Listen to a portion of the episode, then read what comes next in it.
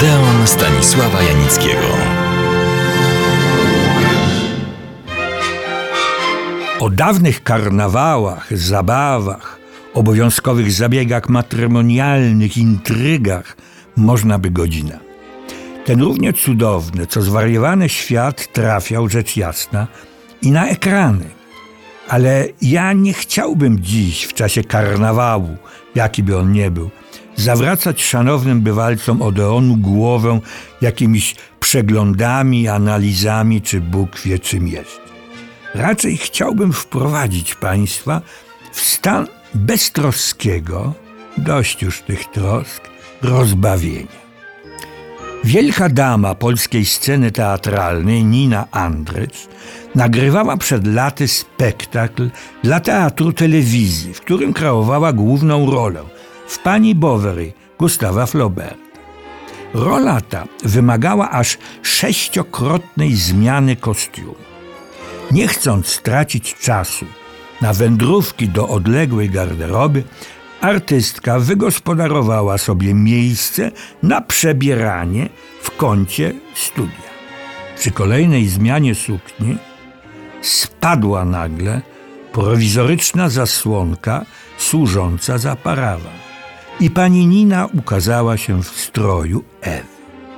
Przerażona garderobiana zdołała krzyknąć do stojącego obok strażaka: Proszę się natychmiast odwrócić, pani Nina jest naga.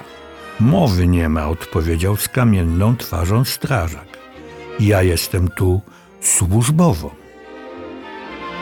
Brigitte Bardot pojawiła się pewnego razu w kostiumie bikini na plaży, gdzie obowiązywały kostiumy jednoczęściowe. To naprawdę były dawne czasy. Proszę pani, zwrócił jej uwagę funkcjonariusz. W tym miejscu wolno się opalać tylko w jednoczęściowym stroju. Nie ma problemu, uśmiechnęła się francuska gwiazda. Którą część mam zdjąć? Górę czy dół?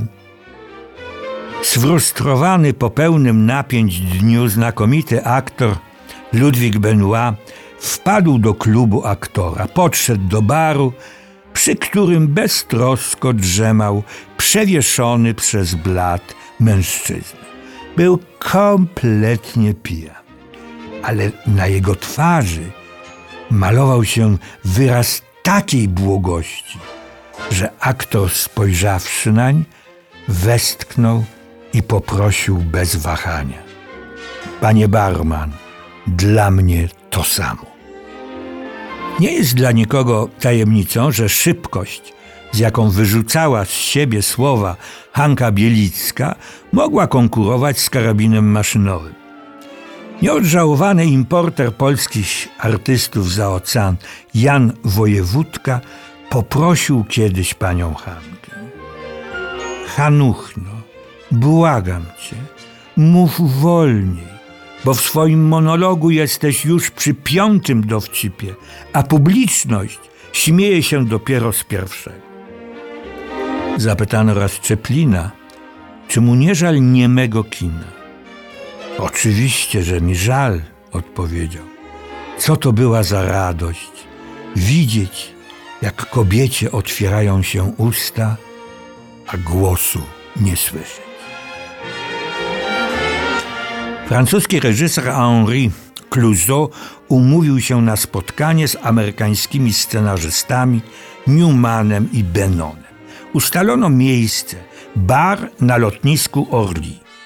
Po przybyciu na miejsce Clouseau stwierdził, że na lotnisku znajdują się aż cztery bary, dość od siebie odległe. Podszedł więc do punktu informacyjnego z prośbą o przekazanie komunikatu przez głośniki ale usłyszał, że tego rodzaju komunikat można nadać jedynie w przypadku poszukiwania dzieci.